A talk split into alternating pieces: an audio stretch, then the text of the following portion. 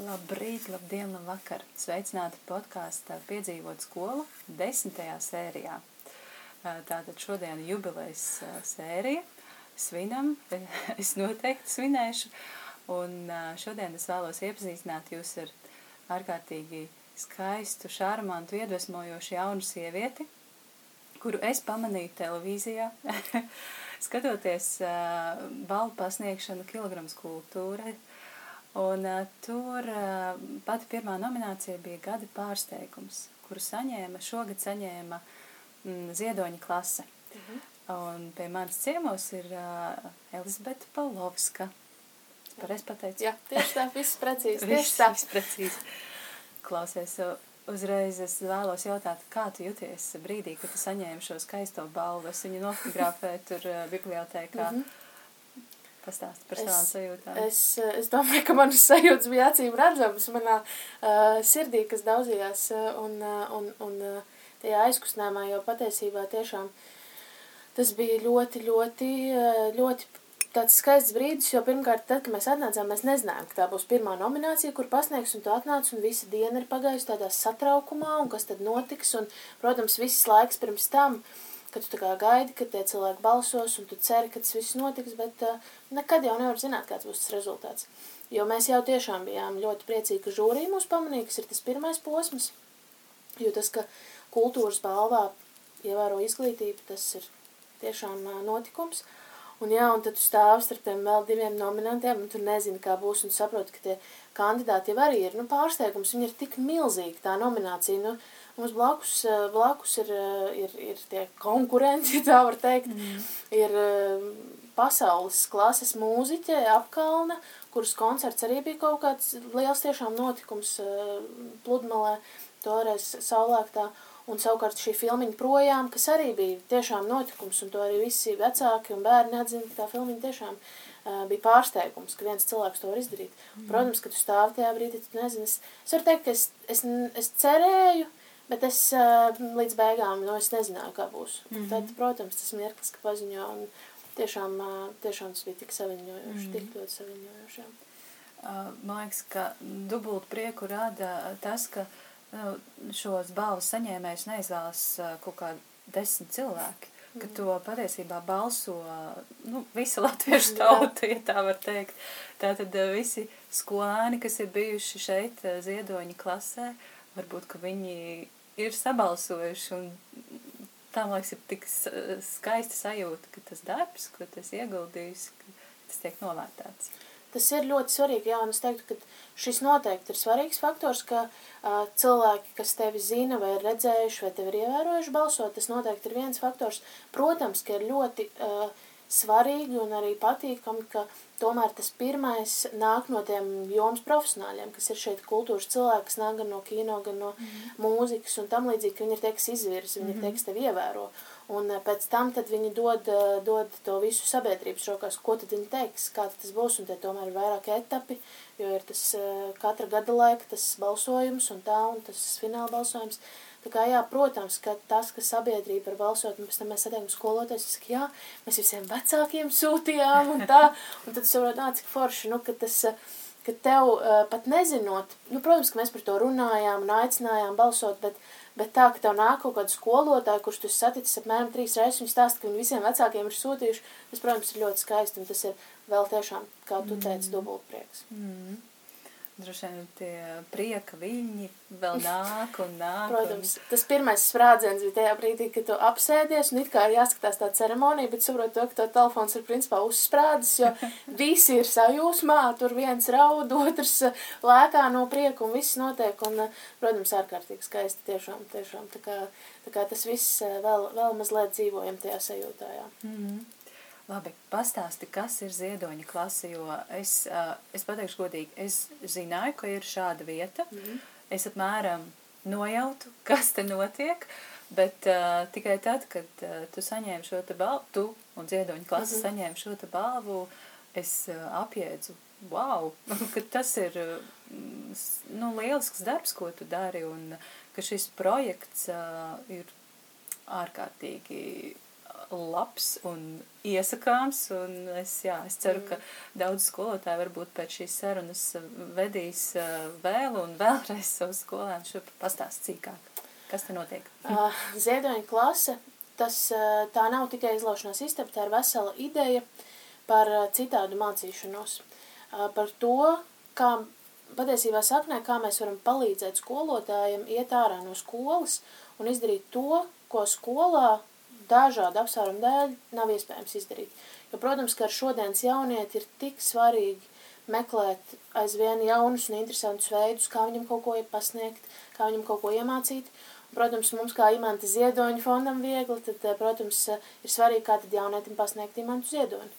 Un uh, viena lieta ir muzejs, uh, kur tas viss ir tiešām balstīts pētniecībā, un tas ir tāds liels un pamatīgs saturs, uh, Bet šeit, jā, mēs izlēmām doties to izglītības ceļu un, un radīt jaunas nodarbības, kurās jaunieši var mācīties citādi. Un pirmā uh, nodarbība ir šī izlaušanās spēle blēņas un pasakas, kurā tātad ir trīs istabas, suns, funs un vējš, kroko un dils un pasaka par pogu, katra istaba veltīta uh, konkrētai šai pasakai. Un principā pamatā, ņemot vērā visus, visus pētījumus jauno projektu skolu 2030, uh, un uh, visu, kas notiek šobrīd ar jauniešiem, tad mēs ņēmām, ņēmām vērā pilnīgi visus šos aspektus un tad radījām šo te literatūras klases stundu, bet te ir arī mazliet mūzika, mazliet dabas zinības, nu, uh, šis uh, caurvī prasmes ir viss, kas, kas šeit notiek, jo mēs to sākām darīt, nu, jau senāk kāds pus, pusotras gads atpakaļ, jā, jo mēs atklājāmies 19. gada 21. martā, un tas prasīja no tās pirmās sarunas virtuvē līdz uh, atklāšanas mirklim, tas prasīja deviņus mēnešus. Un, uh, bērniņš piedzima. jā, bērniņš piedzima tieši tā. Bērniņš piedzima, jā. Un, uh, un tālūk, un tad, uh, tad jā, mēs ļoti daudz pētījām tiešām jauno saturu, pētījām, kas tad notiek vispār, gājām cauri standartam, kad tad ir ziedonis vispār jāmācās, runājām daudz ar skolotājiem un tā, bet tas jau, jā, cits stāsts par to, bet jā, un tad Tas ir tas, ko ziedoņa klasa dara. Mēs radām jaunas stundas, ir izlaušanās spēle, tad nākamais, ko mēs šobrīd esam izveidojuši, ir izbraukuma izlaušanās spēle, kas ir trīs citas pasakas no šīs pašas grāmatas, kurā, jo, nu, tā ir realitāte, ka kultūras naudiņu apēd lielā mērā šoferīts un degviela, mm -hmm. tur neko nevar darīt, tā tas ir. Un tāpēc mēs saprotam to, ka mēs ne tikai ir forši, ka viņi brauc uz galvaspilsētu, tīpaši no reģioniem, bet mēs ļoti labi saprotam, ka ir forši, ka brauc pie viņiem ciemos. Un tāpēc mēs esam izveidojuši arī šīs te izbraukuma izlaušanās lādes. Tikko nu pat sadarbībā ar Ziedoņu muzeju pilotējām, jeb izmēģinājām mūsu jauno stundu par kultūras kanonu vērtībām. Mhm. Un uh, ir Lāča Andrēja stunda, kas ir atkal sākums skolē. Nu, tā Ziedoņa klasa tapina ar vien jaunas un jaunas nodarbības, lai, lai patiesībā jāsaknē tiešām, lai palīdzētu skolotājiem uh, darīt to, būt tāds palīga līdzeklis, darīt to, ko tajā klases telpā bieži vien ir diezgan sarežģīti izdarīt. Mm -hmm. Mm -hmm. Jā, es vēlējos jautāt, kādam vecumam ir paredzētas šīs te nodarbības? Nu, tu jau pateici, laikam. laikam sākot no, tieši šī izlaušanās spēle ir paredzēta sākot no 5. līdz 12. klasē. Tas arī ir ļoti interesanti, tas vecuma it kā aspekts, jo 5. līdz 12. klases ārkārtīgi milzīga amplitūda. Bet patiesībā, jo no sākuma mēs domājam, jā, 5. līdz 9. klase, Bet pēc tam kaut kā jā, vidusskolā tā kā pieteicās, mēs kā to skolotāju brīdinājām, nu, ka rēķināties to, ka tās ir pasakas, vidusskolāns vispār šķības, skatās uz vārdu pasaka, kā, mm -hmm. nu, viņam liekas, tas jau bērniem. Uh, bet uh, tagad patiesībā es varētu teikt, ka 50 uz 50 nāk gan vidusskolēni, gan, uh, gan pamatskola. Un atzīšos, ka pieaugušajiem, kas nāk tā kā ārpus, viņiem iet vēl grūtāk nekā skolēniem. Es, jā. es tam ticu, jo pieaugušajiem mēdz pārāk daudz domāt un analizēt. O jā, o jā tik ļoti, tik ļoti, jā. Bet jā, tā ir, tā ir mūsu, kā mēs sakam, tāda paralēla auditorija, kas ir komandu saliedēšanas vasaras brīvlē, kā Omīti atved savus mazbērnus un visi izlaužās, vai kāda ģimene atnāk. Mums ir bijusi pat viena vecmētu ballīte šeit, kā viens no kontrolpunktiem. Jā. Jā, dzimšanas diena ir bijusi. Tā kā, tā kā nu, viss kaut kas, mēs kaut kad runājam, ka šis būtu ļoti brīnišķīgs notikums pāriem. Pirms mm. kāzām, ka viņi varētu atnākt un uh, izstrīdēties. izstrīdēties, izlausties. Un tas būtu tāds foršs veids, kā mazliet sev pārbaudīt. Un tad vai nu kopā aiziet projām, vai? Jā, nu ceru, es ceru, ka kopā. Ceru, ka kopā. Šis, starp citu, arī vēl viens būtisks aspekts ziedojumu klasē, ka šeit visi vienmēr izlaužās. Jo escape roomā ir pierasts pie tā, ka paiet 60 minūtes, atverās durvis, nu vai nu jūs esat paspējuši izlausties vai nē, tad šeit mēs jau pašā sākumā sapratām, ka, lai kāds būtu rezultāts, katram cilvēkam psiholoģiski tomēr ir tik svarīgi, ka tu esi paveicis to uzdevumu. Mm -hmm. Jā, varbūt tā ir pusotra stunda, tas tā arī var būt, bet tomēr ir būtiski, jā, ka tu to pabeidz, tāpēc arī tas, tas stundas princips ir tāds, ka jaunieši šeit ir vieni paši, skolotājiem ir brīvbrīdis, kurš ir atbraucis līdzi, viņš kopā ar nodarbības vadītāju skatās kamerās, kā jaunieši sadarbojās. Tas skolotājiem noteikti ir ļoti interesants, mm. interesants piedzīvojums, jo mēs paši sadalām komandās klasi, kas nozīmē to, ka bieži vien uh, draugi tiek atdalīti, un, un tad viņiem ir jāstrādā, un tas skolotājs reiz atzīst, ka tieši šis taču vienmēr sēž malā, un tagad viņš ir komandas līderis un tā tālāk, un tur parādās brīnišķīgas lietas, un, un arī, lai tomēr uh, saglabātu to filozofisko klases aspektu, ka mēs esam kolektīvs un klase, tad skolotājiem katrai komandai, respektīvi katrai istabā ir jāpalīdz vienu reizi ar rācijas palīdzību. Jauniešiem ir konkrētā uzdevumā uzrakstīts, ka ir jāprasa jautājums un jāprasa tā palīdzība skolotājiem, mm -hmm. nu, un tad mhm. skolotājs, skatoties kamerās caur rāciju, arī palīdz. Un, lai tomēr lai viņi nav tikai patstāvīgi, bet lai tomēr tā, tā neatņemamā sastāvdaļa ir skolotājs. Manuprāt, jā, tā ir tik svarīga nianse. Nevis uh, to varētu darīt arī kāds no, nu, pavisam, nu, jūs, no jūs cilvēkiem. Jā, jā, jā protams. Bet uh, tas, ka to var paveikt skolotājs un uh, ka skolēni palūdz palīdzību savam pedagogam, tas, jā, tas, man liekas, vēl vairāk Tas arī skolotājiem ir uzreiz jā, jā. tāds svarīgi. Nu, viņš it kā ir, protams, mēs tur nu, padzeram kafiju ar skolotāju, aprunājamies par to, kas notiek skolā. Mums tas arī ir ļoti svarīgi. Bet jā, svarīgs, svarīgs faktors ir tas, ka, ka, jā, ka skolotājiem ir tas uzdevums, viņš vienmēr tāds priecīgs atraukts ir un kas tagad, tagad būs. Un, un, jā, tas ir. un līdz ar to jā, arī nodarbība vadītājs ir tas, kurš tā kā mazliet vada to procesu. Viņš tā kā menedžē, viņš, pieņemsim, mēs redzam to, ka uh, tiešām viņi pilda šo uzdevumu 15 minūtes. Nu, protams, ka zūd jau arī tas azarts un tā, mm. tad mēs parasti cenšamies ieteikt, nu, pas, ieteikt, kā paskatīties to uzdevumu citādi, vai arī pārlas vēlreiz, jo, protams, ka it kā tā lasīt prasme un, un tā nav interese par literatūru, tā ir prasme saprast tekstu. Mm -hmm. Un, protams, tā ir ļoti liela problēma patiesībā šeit, ne tikai literatūras, bet arī tieši citu priekšmetu skolotāji atzīst, ka tas ir ārkārtīgi svarīgi tieši citos priekšmetos, mm -hmm. ko tu esi sapratis. Viņi palaiž garām, viņi skrien, jo viņiem jau it kā ir tas adrenalīns, vēl, ka tik uzstādīt jaunu rekordu un paspēt ātrāk un tā, un to viņi aizmirst, un ir tāds, jūs izlasījāt? Jā, jā, jā, mēs izlasījām. Patiesībā viņiem vispār nav skaidrs, kas ir jādara, tikai tāpēc, ka nav izlasīts. Jā. Mm. Un kāda ir atsauksme? Uh, jūs tiekat galā ar visiem uh, gribētājiem? Tad, kad mēs atklājāmies pagājušajā, pagājušā gada martā, uh, tad uh, es ļoti labi atceros pirmo zvanu no skolotājas. Mums likās tik sirsnīgi, jo mums uh, no rīta bija atbraukus rīta panorāma, bija, man liekas, pus septiņi vai septiņi no rīta, un uh, pēc 15 minūtēm, jo tas bija tiešraidē, pēc 15 minūtēm es skolotāju zvanīju no tramvaja, un viņa teica, es tikko noskatījos, es tikko iekāpu transportā, uzreiz zvanīju, jo man bija bail, ka jau to līdz viss būs pieteikušies. Un, uh, nu jā, jāatzīst, ka, protams, viss pagājušais gads sanāca tā, ka mēs jā nostrādājām aprīlu māju, uh, Tad vasara bija mazliet mierīgāka un strādājām vairāk ar citiem interesantiem. Un tad viss šī mācība gada pirmais semestris ir ļoti, ļoti aktīvs. Tad tagad ir viss turpinās, viss turpinās un paralēli izstrādājam šīs jaunās nodarbības un uh, uzsāksim arī ceļu ar izbraukumu kvestu jau. Un, uh, un tālūk, tā kā, tā kā visi gribētāji, jā, tiek, tiek noteikti, noteikti. Mm -hmm. Vēl, vēl ir, ir vietiņas un ir, ir jānāk uz uh, ziednieku klasi. Tu teici, ka sāksiet tikai izbraukumā. Mēs esam atklājuši, mēs esam atklājuši, jā, mēs pa, pirms divām nedēļām atklājām Kuldīgā. Spēle ir gatava. Bijis, kas, kas... Jā, mēs esam bijuši jau Kuldīgā mm. ciemos, mums bija tāds atklāšanas īpašs notikums. Un, un tad tagad šī te informācija sāk lēnām aiziet, un, jo tomēr, nu, zinot skolu sistēmu, skolotāji plāno ļoti laicīgi, līdz ar to tad kopš atklāšanas brīža, tad tagad mēs, sākot no februāra nogals, dodamies, dodamies ceļā. Mm -hmm. Tā. Ļoti jauki. Nu, droši vien, ka būs arvien vairāk un vairāk, jo es arī teikšu saviem kolēģiem, bijušajiem un, un, un radiem, teikšu, lai noteikti brauc šurp. Pastāsti vairāk par to dzimšanu. Kā, kā, vei, kā radās šī ideja? Tu, tu teici, ka sēdējāt virtuvē pie galda. Pats, pats šis dzimšanas brīdis un kā, kā jūs realizējāt gala beigās šo te ideju? Tas sanāks mazliet garāks stāsts, jo tur es arī varu, man jāpastāst par sevi, kāpēc, kā es vispār nonācu fundā viegli. Stāsti. jo sanāca tā, ka mm, es uh, vispār esmu kultūras akadēmijas produkts. Bet es kaut kā studējot kultūras akadēmijā nespēju pārgriezt savu nabasēti ar skolu, kurā es mācījos.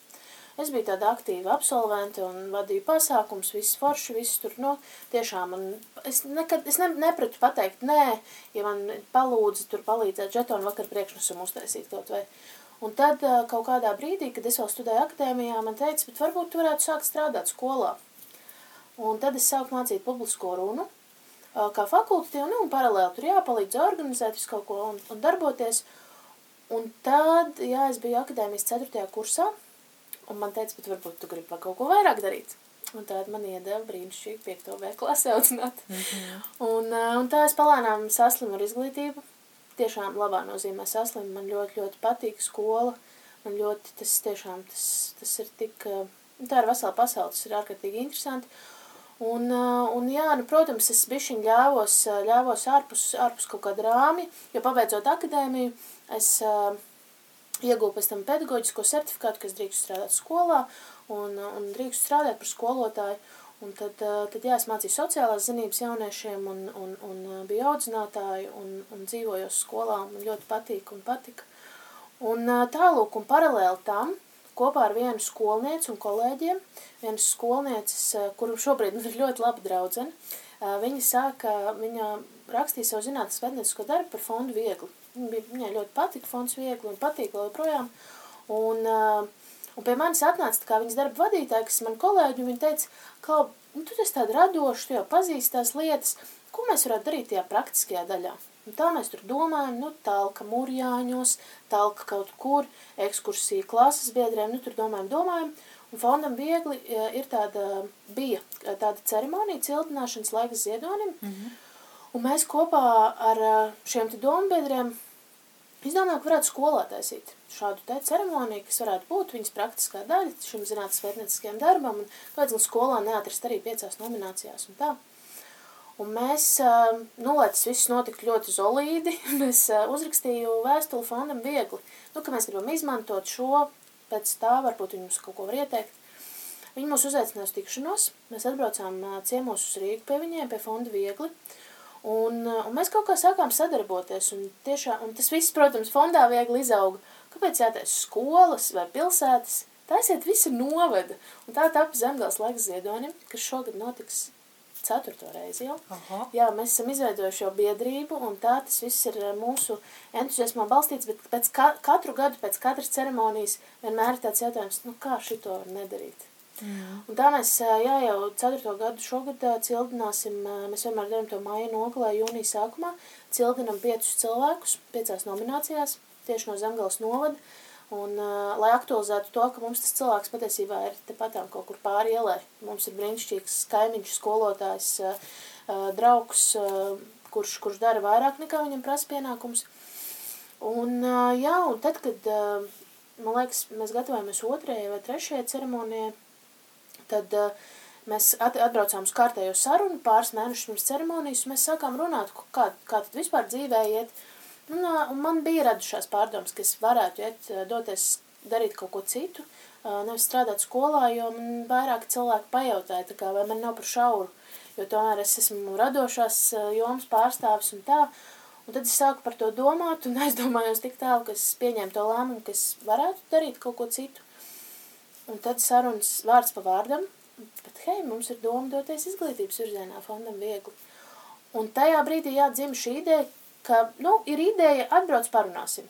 Tad bija pirmā virtuves saruna, mm -hmm. kur mēs runājām par to, jā, ka, ka varētu būt tomēr jaunais standarts, visi jau visi runāja par tām pārmaiņām izglītībā un Latvijas skolas somu un viss un tā, un kultūra izglītība un, un tam līdzīgi. un tālūk, un tad, jā, mēs, tad sanāk, jā, pirms pusotra gada jūlijā es sāku strādāt fondā viegli, un tā mēs sākām lēnām, lēnām veicām beigo izpēti par to, kas tad ir skola 2030, kas vispār notiek izglītībā. Daudz runājām ar skolotājiem, daudz ar jauniešiem runājām. Mm. Uh, es teiktu, jā, tas tāds pētniecībā valstīts process tieši sarunājoties, ko viņi dara, kas viņiem interesē, kas viņiem patīk. Uh, tad jā, sapratām to, ka tā pirmkārt ir spēle, un tad tas nākamais bija, ka tā varētu būt izlošanās spēle. Un tad uh, mēs satikāmies ar uh, um, iespējamās misijas skolotāju, viņš kādreiz bija skolotājs, uh, un, uh, un viņš uh, tieši arī veido šādas te izlošanās spēles, mhm. un gan galda spēles, kā izlošanās spēle un tam līdzīgi. Un tad mēs satikāmies jā, ar Krista Pauzānu, kura mēs izstāstījām šo domu, ka tas varētu būt balstīts kādā grāmatā. Mēs visi kopīgi nonācām pie tā, ka tās varētu būt lēņas un pasakas. Un, jā, ka tās varētu būt trīs komandas, Un tā tas viss tā pa bišķiņu tapinājām, jo šeit noteikti ļoti svarīgi mums vispār eh, fondā viegli, jo mēs esam vairākas tādas sadaļas, ir fonds viegli, ir muzejs, ir biblioteka, ir, eh, ir ziedoņa klase. Mēs esam viena komanda, mēs arī tiešām strādājam visi vienā telpā un mēs visu laiku esam viens otram. Un tas, man liekas, ir mūsu lielākais iegūms, ka mēs katrs nākam no kaut kādas citas vidas. Jo, protams, ka tas, ka es esmu kaut vai pāris gadus bijusi skolā, man dod ārkārtīgi lielu man pašai personīgi iekšē tāda forša pievienotā vērtība, ka es zinu, kas tur notiek, es mhm. saprotu, es esmu kaut kā uzķērus to, kā, tad, kas, kā jūtās skolotājs, kā jūtās skolāns, un, un tālūk, jā, un tad, Tad jāsākām to veidot, piemēram, kaut vai tas aspekts, ko es teicu par to skolotāju, tas man likās ļoti svarīgi, nu, ka skolotājiem arī ir konkrēts uzdevums, viņš tomēr nenāk ar kādu komandu iekšā, mm. uh, lai kā dažreiz skolotājiem ļoti gribētos, bet tomēr skolotājs tas, kurš vēro to visu, lai tomēr katra komanda strādā patstāvīgi, un tas ir tāds patstāvīgs darbs un, uh, un tam līdzīgi. Un jā, un tad kaut kā procesā, uh, mēs pārvācāmies pēc tam uz šīm telpām, jo sapratām, ka jā, mums ir vajadzīgs telpas tieši, lai iekārtot jauniešiem un šīm izlošanās istabām. Un tad, jā, tad sapratām, jā, ka kāpēc vienā lielā telpā tās varētu būt trīs istabas, un lai saglabātos tas realisms, tad tiešām tās durvis tiek aizslēgtas, nu, un tā tas viss, tā tas viss tapa un tapa, un, un jā, tad beigās tas, pēc deviņiem mēnešiem tas bērniņš, bērniņš bija klāt, jā, tālūk, tā kā tas, uh, tas, jā, tas tāds visu laiku tāda izpēta, sarunas, domas un, un tik pa vienai jaunai idejai. Un noteikti ļoti daudz jā, pēc tam izmēģināt, jo arī mēs aicinājām, tā ka principā istabas bija gandrīz gatavs, tad mēs arī uzaicinājām trīs klases, gan no Rīgas, gan ārpus Rīgas, jo jaunieši ļoti atšķirās. Tad mēs arī runājām, viņiem diskutējām, jo ziedoņa klasa vispār bija tāds jaunums, nu, ar kā, jums, kā ar jums komunicēt Instagrams, Facebooks, nē, nē, Facebook ar skolotājiem, Instagram ar mums. Nu tā, un visāds foršas idejas, kuras ārkārtīgi svarīgi, jo mums it kā bieži vien liekas, nu, kā tur tagad izdomāt, ko tur patiesībā viens jautājums, un viņi pasaka visu priekšā. Jā, un tas jā. ir ļoti, tas, man liekas, ir tiešām ļoti svarīgi, ka, jā, mēs cenšamies, centāmies un cenšamies nepārtraukt uz laiku runāt un prasīt, mm. kas tad, ko tu, tu iesaki, jo viņš ir tiešām vislabākais padomdevējs. Mm. Tālūk. Tu teici, ka jaunieši, e, jaunieši atšķirās uh, laukos un Rīgā. Uh, tu esi diezgan jauna pati. Mhm. Esmu, jā. un tu strādāji skolā, nu, cik tā bija gada, kad tu strādāji skolā? Es sāku strādāt, man liekas, ka man bija 21. Jā, jā. Pastāsti, kā tu jūties skolā? kā gandrīz vienaudzis vidusskolēniem. Um, jā, šis ir ļoti labs aspekts. Uh, es pir, pirmkārt jau laikam nav, nu, ir tas, tas nav mazsvarīgi tas, ka es strādāju savā skolā. Līdz ar to mēs arī vidusskolā daudz pasākums vadījām tā, un, un daudz tā kā man zināja. Un uh, it īpaši man bija pašai psiholoģiski grūti pāriet, uh, ka man ir bijuši šie visi ir bijušas mani skolotāji, un tagad man pēkšņi viņš ir jāuzrunā uz tu, un viņš ir mans kolēģis. Jā, man bijusi jāuzzinātāja, piemēram, vai vēl, nu, nu, tas ir tāds izaicinājums. Bet, uh, ar jauniešiem, protams, ka, nu, es atceros to mirkli, ka es atnācu to 1. septembru un viņiem tā, jūs būsiet mūsu skolotāji, kas tas tāds te notiks, ja? Tas ir tāds jūs. tas ir, jā, kas tā tāda ir. Un, un es arī izskatos jaunu un izskatījos arī vēl jaunāk, un tad uh, tas noteikti, jo mēs strādājam tieši ar 5. 9. klasēm, bet uh, tas, tas ir gan trumpis, gan tas ir mīnus, jo saglabāt to nenormāli ārkārtīgi šauro slieksni, ka viņi tev nesāk kāpt uz galvas, tas ir ļoti liels izaicinājums. Es bieži vien sev kodu pirkstos par to, ko es esmu, jo gribās taču būt jaunie, stilīgie, foršie skolotāji, kas visiem patīk un viss ir forši. Protams, es, tas ir, tas ir, nu, protams, tas ir trumps būt jaunam skolotājiem, tas ir ārkārtīgi forši. Bet tāpat laikā tas ir arī milzīgs pārdzīvojums pēc tam, mm -hmm. jo viņi bieži vien neuztver nopietni. Un, bet tas, ko noteikti es sapratu ar, ar, savu, ar savu audzināmo klasi, Jo es atceros, ka man direktora vietniece teica, nu, ka tu varētu paņemt klasi. Uh, un bija tā, ka viena tieši kolēģi gāja uh, bērnu kopšanas atvaļinājumā, un viņi tieši, nu, nenormāli forša 11. klasa, nu, tiešām super. Un viņi tā pārdzīvo, ka tā skolotāja iet prom un tā, un viņi man nāk un, nu, lūdzu, Elzbet, paņem mūs, nu, lūdzu, lūdzu. Un tad direktora vietniece saka, nu, tās, bet padomā divreiz, tu tiešām gribi tā kā jau gatavu kolektīvu, varbūt paņem, un tā es pati savējo no jauna, tos piektos. Dievs, piektā klasa, viņš ir mazuļi vispār, nu, ko es tur, kā es tur, vidusskoliem forši, savēji, tur liela cilvēki, tur runā uzreiz par dzīvi, bet es esmu ļoti pateicīga kolēģei un uh, labam draugam, kuri pateica, ka ir jāņem piektā klasa, jo tie bija brīnišķīgi trīs gadi, jo es septīt, pēc septītās klases aizgāju no skolas, un, un uh, tas, ko es sapratu, mana galvenā atziņa ir tas, ko es jau pirms tam teicu, ka tā ir sarunāšanās. Jā, tas ir nogurdinoši, jā, viņi nesaprot, bet es atceros ļoti labi sastās klases Ziemassvētkus, kad es eh, viņiem, eh, es kaut ko teicu, un es tā kā, nu tagad paklusēsim, es izstāstīšu. Un viņi vienkārši pēc šīs frāzes apklus, un es teicu, tas prasīja pusotru gadu, es, un es to, es to pieņēmu, es sapratu to, tas ir pusotrs gads, it kā liekas šausmīgi ilgi, bet no otras puses, tas ir tā kā, nu, mēs kopā pavadījām pusotru gadu, un mēs jau iemācījāmies vienoties par to, kā tad tas ir. Un, un te bija vairāk mirkļi, kad es pēc tam dabūju atpakaļ to augli, ka es, eh, es iespējams, jā, nu, mm, es, jā, es emocionāli ielaidu jauniešus ļoti savā dzīvē, tas, tas tā ir, tas, tas tā bija. Un uh, manas durvis vienmēr bija atvērtas, un es arī visiem citiem teicu, ka pie manis var nākt, uh, nezinu, apēst savu bulciņu vai, vai uzspēlēt kaut kādu spēli, vai vienkārši sēdēt manā kabinetā, Tas paņem no manis, protams, enerģiju. Loģiski, mm -hmm. starpbrīdis ir tas mirklis, kad skolotājs var atelpoties, bet no otras puses tas ir fantastisks veids, kā būvēt attiecības ar jaunieti, lai man pēc tam skolā būtu, eh, klasē, nu, stundā būtu vienkāršāk. Mm -hmm. Tas pavisam noteikti ir. Un, eh, jā, nu, tas ir visu laiku tāda balansēšana, visu laiku meklēt, jo, protams, es, eh, es, man paš, es pati biju jauna, Viņi ir arī, es, es at, tā, pat trakāk, nu tas jau tas ne, ne, neizbēgamais stāsts par vecākiem, kas ieraudzīja tos daudzos vecākus, bija tik šausmīgi uztraukusies. Viņi visi bija atnākuši, man liekas, diviem bērniem nebija vecāki. Ir pilnīgi pilna tā klasa, un viņi visi tā skatās.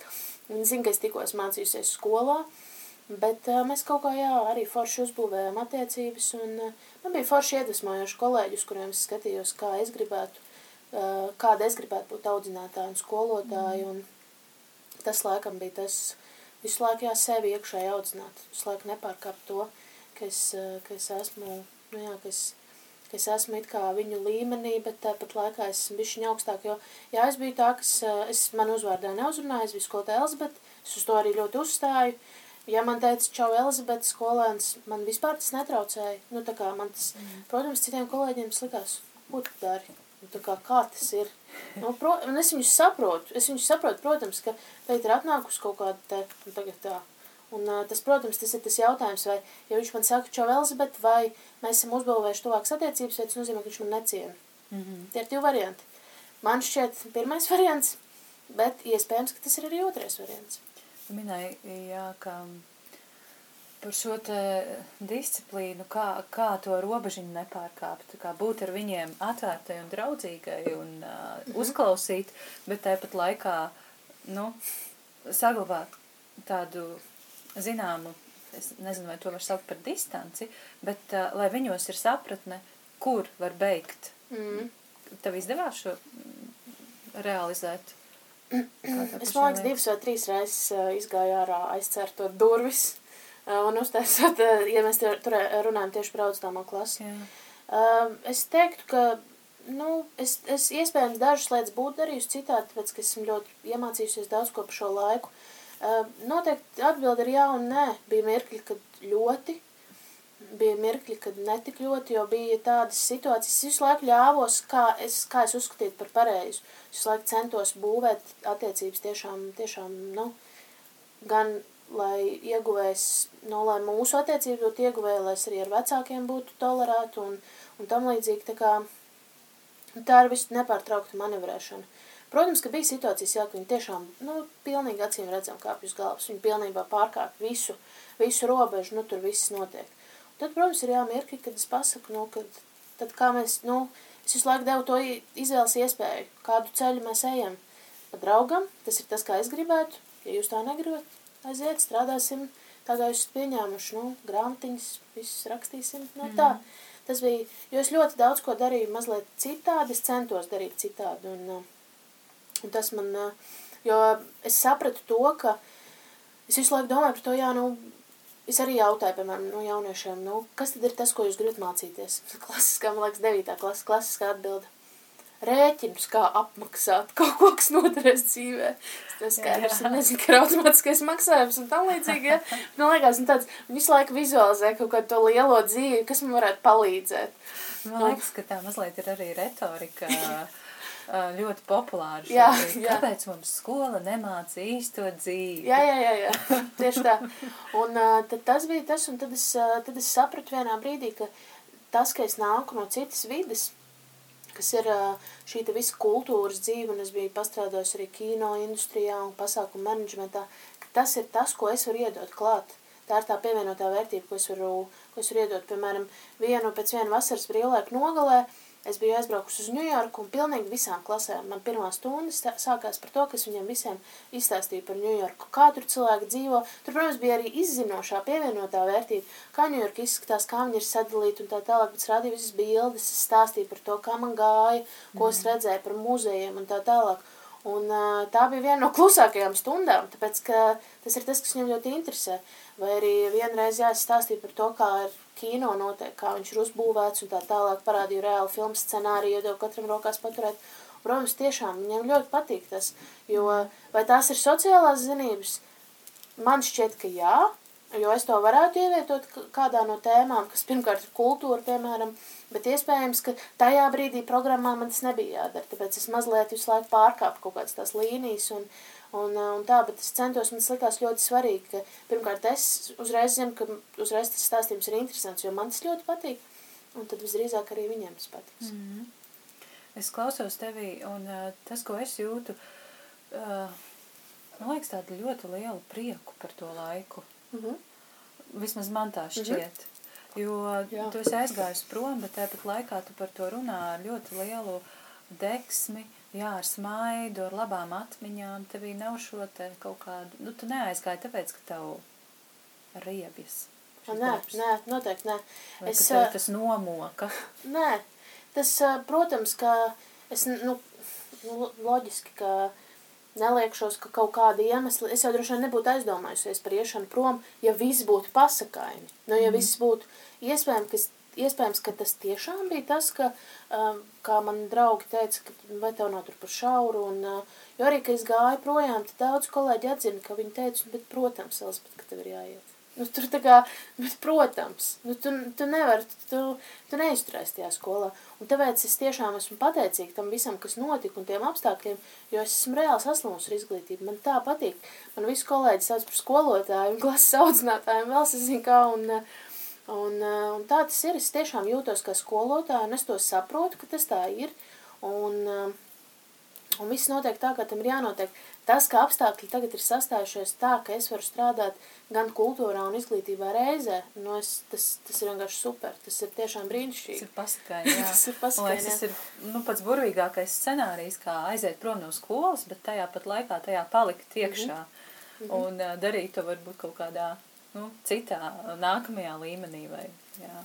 jā, jo es biju domājis par to, ka es, nu, jo ejot prom no skolas, nebija tā, ka es gāju uz kaut ko, es nezināju, par šis vēl vispār fonds viegli nebija vispār kā, kā ideja.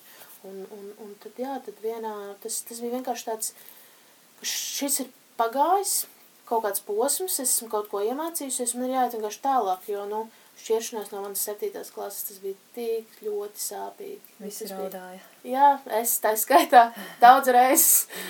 Bet, um, un tas, tas bija viens no skaistākajiem brīžiem man ar klasi, jo es, uh, es viņiem biju uzrakstījusi vēstuli, no, jo es sapratu to, ka es vienkārši iznākšu 31. nē, bet es kaut kādiem maija beigās iznākšu priekšā un teikšu, nu, kaut ko, ko es tur stāvēšu un raudāšu. jā, visu gaišu, jā, un stāvēšu un raudāšu. Tāpēc es sapratu to, ka man vajag uh, uzrakstīt uh, vēstuli, kurus vairākas reizes pārlasu, un pēc tam es viņiem nolasu to priekšā. Un, Jā, kā tad? Nolasīja, nolasīja. es, un es tagad, es, protams, es to izdarīju tik te, no vienas puses teatrāls, uzcep kūku, tās ir citi, nu es parunāšos ar jums. Un tad es atceros, ka viens no klases teica, nu skaidrs, mūs pamet. un bija tāds, ok. Tā bija pieredze, jā, dzīvē. Un tad es, es lasīju to vēstuli, un viņam, un es, tas, ko es sapratu, man tas skaistais mirklis bija tajā, Nu, es viņu biju uzrakstījuši tā, ka es to vēstuli pēc tam pāršotu arī vecākiem. Respektīvi, ka viņi saprot gan septītā klasa, gan uh, viņu vecāki. Un viņiem nevienam nebija jautājums. Jo, nu kā, nu man jau nebija nekāds arguments. Nē, es pārvācos, nē, es eju bērnu kopšanas atvaļinājumā, ne man piedāvā nenormālu tur sapņu darbu kaut kur citur vai ne. Uh, man nebija attaisnojumi, principā. Nu tā, viņu acīm skatoties, kāpēc jūs ejat, tā kā kāds ir iemesls. Un es vienkārši, nu, centos izstāstīt par to, ka vienkārši, nu, katram tas dzīves ceļš iet tā, kā viņš iet, un, un šis ir mans tagad pagrieziens kaut kāds, jo es to esmu pieņēmusi iekšē, ka man tas ir jādara. Un tiešām nebija neviens jautājums, un man tas likās tā skaisti, ka mēs esam tiešām, šis, šis bija tas iemesls, par ko mēs pirms tam runājam, ka tu viņus emocionāli ielēt pie sevis iekšā. Un tas mm. ir tas svarīgais, jo viņi nebija ne pā... Jā, bija kaut kādi daži, kas tiešām apvainojās, nu, bet nu, tas, tas ir viens no veidiem, kā mēs pārdzīvojam lietas. Mm. Apvainojās tiešām, tad, nu, protams, tas kontakts ir pārtrūcis un tā, bet katru reizi, kā es aizbraucu uz skolu ciemos, mēs satiekamies vienmēr ir forši un mēs aprunājamies, kas notiek dzīvēs un, un tā, bet jā, mēs pieņēmām to, ka tas ir tāds nākamais solis. Mm. Tā. Nu, skaisti. tas ir skaisti, ka tu pati sev esi atbildējusi, nu, tu kā pati saproti, kur tu ej un kāpēc tu ej, un, eh, un līdz ar to arī pārējiem vairs no jautājuma. jā, nu tas, tas bija, jā, tas mūsu, mūsu tā attiecību, tā uzbūve, es teiktu.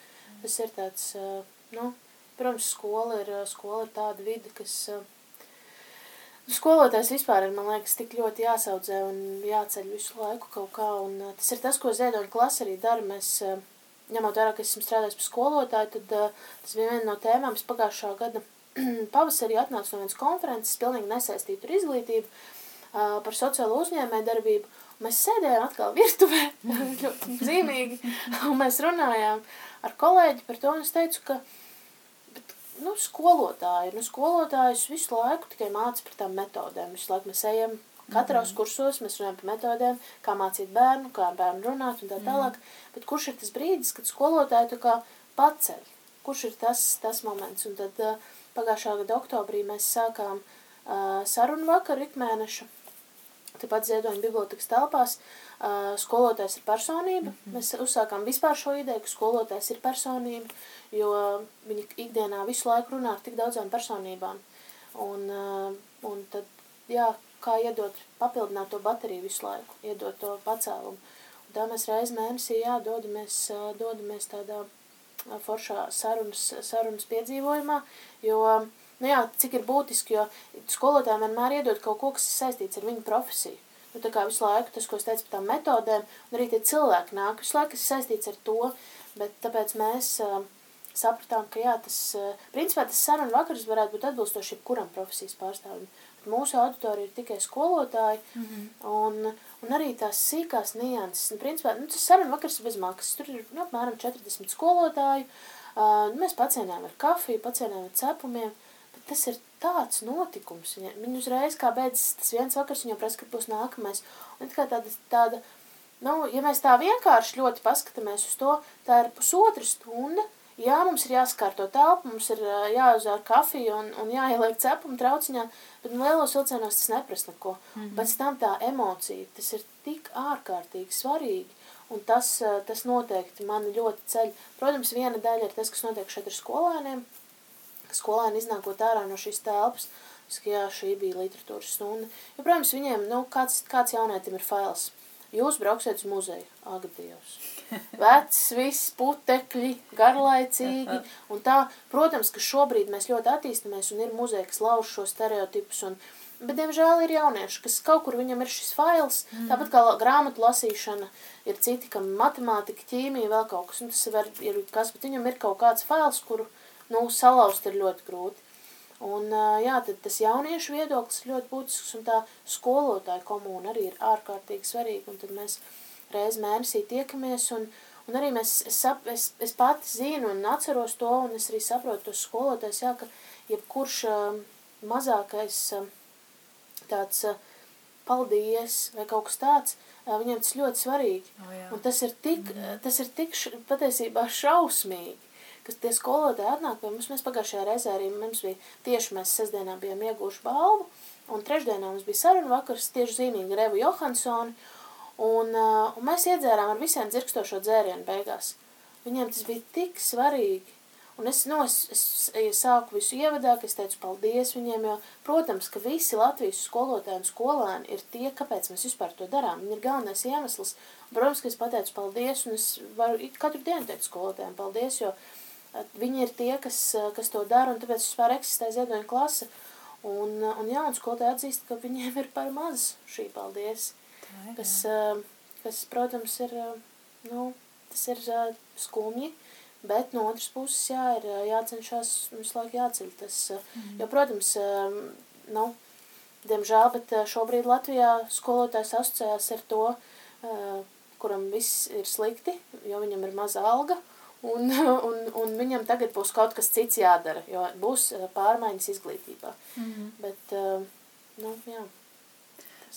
Man liekas, ka tas, kas eh, ļoti, ļoti nokauja arī to vēlmi strādāt un būt skolotājiem, ir mazliet arī sabiedrības attieksme. Mm -hmm. Tas, šī tas mītņāšana par učenēm vai, vai pārmetumi par trīs mēnešu atvaļinājumiem. Uh, kaut kādas tādas mazas lietiņas un tā sabiedriskā doma kopumā, kas nu, nu, noplicina to sajūtu, nu, ka es neesmu kā skolotājs, nu, ka es esmu lūdzējis, un ka es esmu tālu no personības, bet tā taču nav, nu, tad, kad es pati gāju prom no skolas un, un es teicu to saviem skolēniem, Uh, viņi teica, nē, jūs nedrīkstat iet projām, jūs esat pati labākā skolotāja. Es saku, nē, vislabākās skolotājas un skolotāji ir tie, kas paliek un turpina strādāt un, un strādā ar bērniem.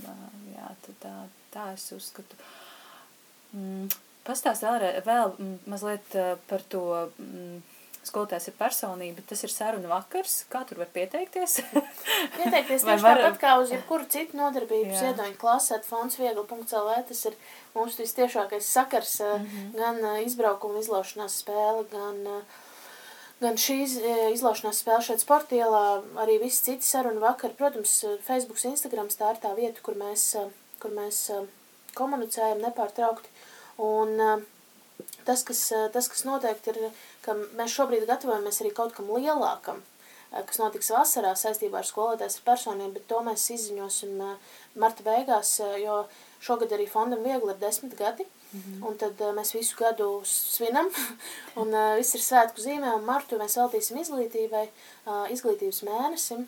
Uh, pasludinām to jā, kā tādu izglītības mēnesi, jo arī ziedoņa klasē būs pirmā, pirmā jubileja, mm -hmm. un, uh, un tad mēs, mēs, jā, mēs uh, gan, gan uzdāvināsim vairākas metodikas skolotājiem, uh, kas, starp citu, mani iedvesmoja no viena no uh, taviem podkāstiem, mm. kur viena no skolotājām izstāstīja par brīnišķīgo platformu uh, Teachers Pay Teachers. Mm -hmm. un, uh, tad mēs uh, domājām par to, kas arī ir, uh, man liekas, tāda aktualitāte, mm, un arī pēdējā podkāstā ar, uh, par, ar Dāciju jūs runājāt par to, ka ka, kā tas ir, ka mēs tik maz dalāmies. Jā. Mēs tik maz dalāmies. Ļoti, un, protams, tas ir mūsu latviešu viensēts, viensēts mm -hmm. sindroms, bet, jo, nu, protams, es piekrītu tev, ko tu saki, sabiedrība un tam līdzīgi, bet es teiktu, ka arī skolotājiem būtu laiks iztaisnot mugurus un pateikt, ka es esmu personība mm -hmm. un piecirst kā un teikt, nē, es varu un es esmu foršs. Mm -hmm. Un, protams, ka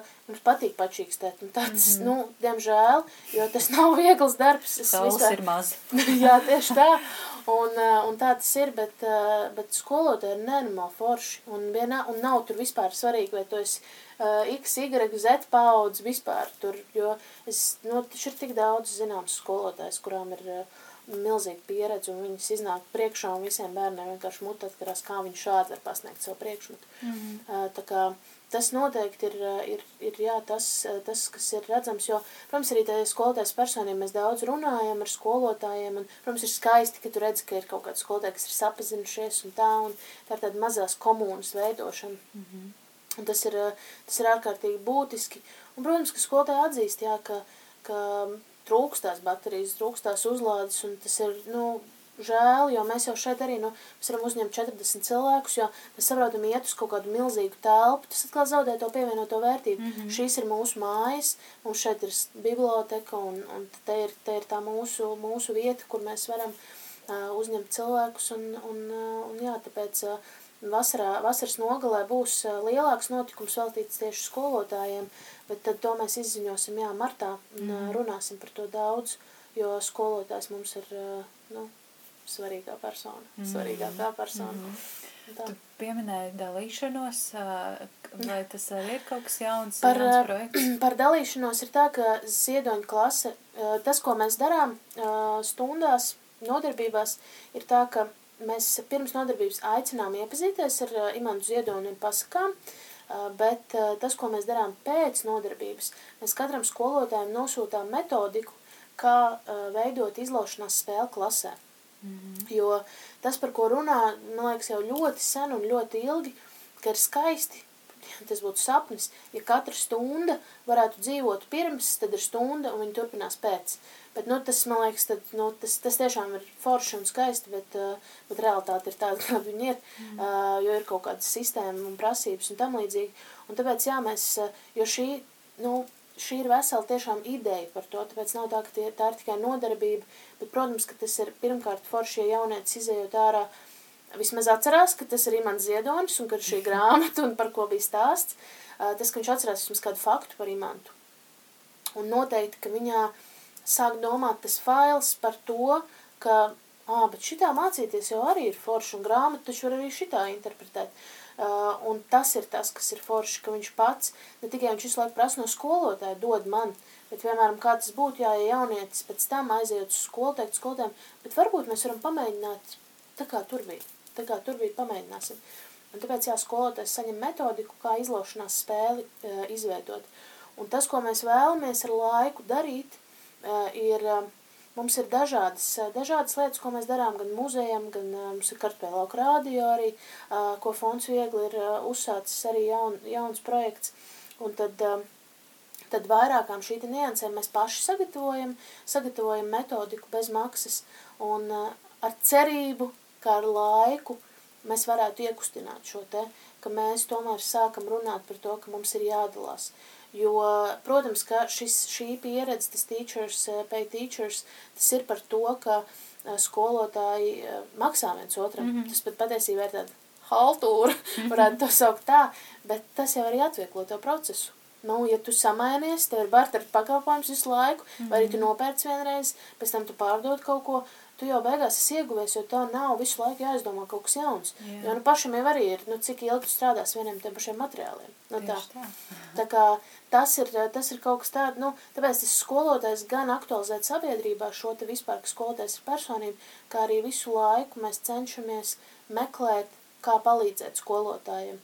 Jo, protams, atvedot klasi, viņi samaksā par šo notikumu, un, un, un tāpēc mēs vēl, vēlamies iedot to pievienoto vērtību, ka jūs vēl pēc tam skolā varat kaut ko darīt. Mm. Un tas jau arī mums ir, ir forši sajūta, ka pagājušajā gadā vasarā bija atbraukus viena uh, skolas, tā kā teātra tāds pulciņš, un viņi pēc tam bija ļoti tālu ceļu bija veikuši pie Daugavpils puses, Un pēc tam mēs redzējām kaut kādā Daugavpils ap, apriņķa avīzītē, ka viņi ir uztaisījuši, iedvesmojoties no ziedoņa klases, izlaušanās spēli, kas bija caur Rāņu un Aspazīs vēstulēm. Mm -hmm. Un tiešām tik interesanti, nu tā, ka uh, tas, ir, tas ir tik skaisti, jo nu nav tā, ka uh, tagad ziedoņa klasa grib būt vienīgā, uh, kurai ir izlaušanās spēle, nē, patents. tas ir, jā, vai ne, patents, un tagad mēs uh, vienīgais izlaušanās spēle, tā kā mācība līdzeklis, nē, tas būtu, tas ir, nu, mēs ceram, ka visu laiku gan citas kultūra izglītības iestādes un kultūras iestādes un arī izglītības iestādes domāt par to, kā tad to darīt. Jo, mm. protams, ka izlaušanās spēli uztaisīt, šādas izlaušanās istabas uztaisīt skolēnus tas ir nereāli. Un tāpēc, tāpēc jāmeklēt tās iespējas, kā tad, kā tad to darīt citādi. Mm. Un tālūk. Jā, nu skaisti. Forši. Es atcerējos, ko es tev gribēju jautāt saistībā ar to vecumu. Kāpēc es tev prasīju, cik tev bija gadi, šo nepieklājīgo jautājumu? Jā. Um, jā, vai tu strādājot skolā jūti atšķirību starp, starp sevi, nu, starp paudzēm? Vai bija šī te doma, manā laikā viss bija citādāk? starp mani un uh, skolēniem. skolēniem? Mm -hmm. Kā tu vispār redzi mūsdienu skolēnus, jauniešus? Es viņus redzu tā, ka viņi ir desmit reizes jaudīgāki par mums. Man tā robežā, vai ne? Jā. Nu, tas ir, es, tad, kad es sāku strādāt šeit, man, man es, nu, mēs cenšamies visu laiku, visi iet kaut kur mācīties, paralēli kaut kādu kursu un tā, un es gāju mācīties par paudzēm pie pasniedzēja Zānas Rubens, -hmm. un tad es, viņai brīnišķīgas lekcijas, tiešām super forši pasniedzēju, un uh, Un es, eh, un es pēc tam kolēģiem saviem, kas savai komandai, teicu, nu, ka es piedāvāju, ka es jums varētu vienā sapulcē pastāstīt īsumā. Un, eh, un mūsu vadītāji, kas ir X paudze, eh, kas ir, nu, jā, principā mūsu vecāku vecumā, viņi teica, man beidzot, viss ir skaidrs. Pēc tās, es kaut kāds, man liekas, 40 minūtes runāju par to, es saku, skaidrs man ir. Un, un, un man arī pašai ļoti daudz, kas bija skaidrs, jo man, piemēram, ir māsa, kur ir septiņus gadus jaunāka par mani, un uh, man vienmēr šķits, ka manai māsai ir vecs dvēseli, jo mēs varam runāt par tādām lietām, nu, kad wow, bet tāpat laikā ir kaut kādas lietas, kuras es bieži vien nesapratu, es domāju, nu, Dievs, nu, kā tā var darīt? Bet viņi ir tā kā uz sliekšņa starp tām paudzes, viņi it kā ir mana paudze, bet tā tomēr viņi ir tā zē paudze. Un, um, nu jā, tā atšķir, jo es arī bieži vien, man ir, man audzināmā klasa, man bija 12 gadu starpība. Mm. Lielos, nu, kas tas ir? Nu tā, lielos un cenos pilnīgi nekas.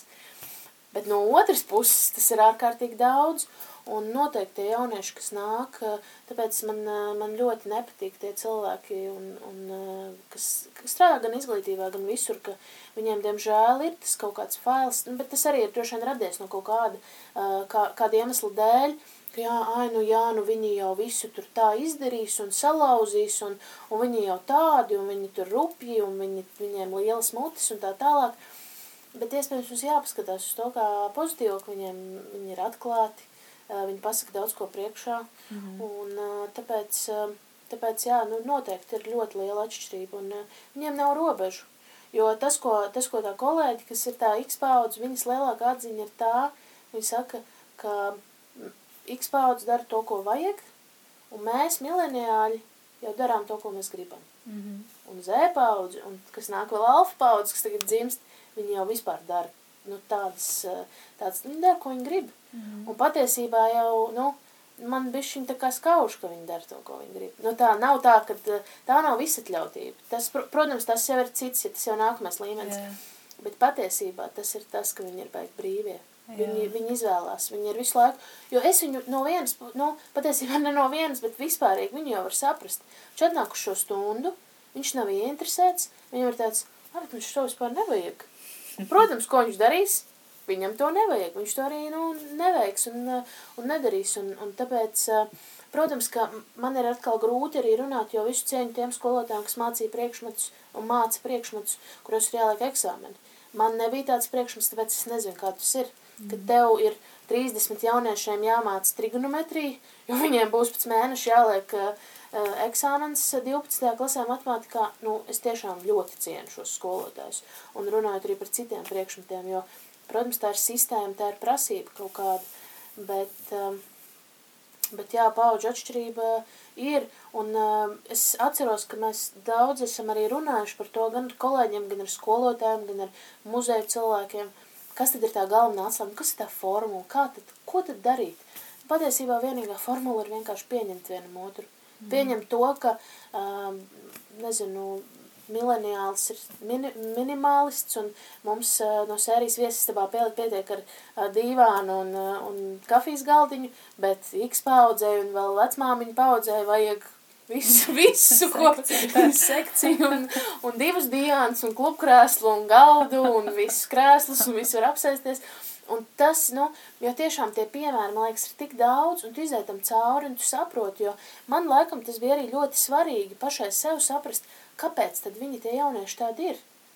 Ka, kāpēc viņi tā ir uzauguši un visi tie socioloģiskie pētījumi, tur viss ir pateikts, ka viņš ir, viņš ir uzaudzis tādā pasaulē, kur, nu, patiesībā jau vienkārši tā pasaule ir tāda, mm. ka viņi, viņi tiek ārkārtīgi sargāti, viņi tiek ļoti uzmanīti visu laiku, ar viņiem viss ir kārtībā, mm. un līdz ar to tas ir vienkārši tāda, tāda, tāda ķēdes reakcija. Viņš tiek aizsargāts, viņš pavada, viņš kļūst līdz ar to mazāk patstāvīgs, nu, un tad vēl un vēl un vēl un vēl, un beigās viņš tāds arī ir. Un tad, kad tu to paskaties no tās puses, tad ir tā kā, ā, skaidrs, skaidrs, ā, tāpēc viņš tāds ir. Un tāpēc ir ārkārtīgi forši un interesanti ielaist viņu šādā istabā, un pastīties, ā, bet viņi var arī paši. Kā tad tas ir tagad tā? Ā, nu rekā, jā, viņi var paši strādāt, viņi paši var izlasīt, paši var tikt galā. Un mēs tagad arī mēģinājām to kultūras kanonu stundu Un arī mēs diskutējām kolēģiem, nu, ka vajag viņiem iedalīt katram uzdevumam konkrētu vietu. Saku, paskatīsimies, kāds būs. Vienkārši mm. informē viņus, ka jums ir iespēja izmantot visu šeit esošo telpu, dariet, kā jūs vēlaties. Protams, jo tu, tu sāc traucēt. Ā, nu labi, iesim uz to istabu. Viss viņam pašam ir jāļauj visu laiku pieņemt lēmums. Ko tad tu gribi darīt, ko tu gribi veikt. Protams, ka skatoties no skolotāja profesijas, skolotājs ir iesprostots, jo viņš nevar visu laiku ļaut jaunietim pieņemt lēmumu jo ir jāpild kaut kādas, nu, tomēr sistēmas prasības, un jaunietim ir jābeidz tā skola. Viņu tu nevar visu laiku teikt, nu, izvēlies, vai nu paliec stundā, vai ārā pa durvīm. Tā jau mēs visu laiku nevaram darīt. Tas, tas nav iespējams, bet, jā, nu, tā pieņemšana, tas ir nenormāli grūti, jo, protams, ka gribās arī, lai jaunieci pieņem mūs, pieņem skolotāju. Un šī bija arī forša atziņa muzejam Ziedoņa muzejam bija tāds konkurss, ideja pavasars, ar kuru mēs brau, braucām pagājušajā gadā, jā, mēs braucām un pie mm, konkrētās pašvaldībās pie jauniešiem, un mēs runājām par, ka viņi rada jaunas nodarbības muzejos. Un viņi izveidoja šīs nodarbības, bet ievadu lekcijā mēs ar viņiem runājām par jaunoto izglītības standartu un kā, nu, kā veidot vispār nodarbību, kā veidot stundu principā. Un mēs prasījām, kas viņuprāt ir laba stunda. Principā top lieta bija tas, ka kur skolotājs un skolēns viens otru dzird. Mm -hmm. Tā ir ļoti loģiska atziņa, bet jā, tik daudz jauniešu saka to, ka tāds ir apusējā cieņa, apusējā mm. pieņemšana.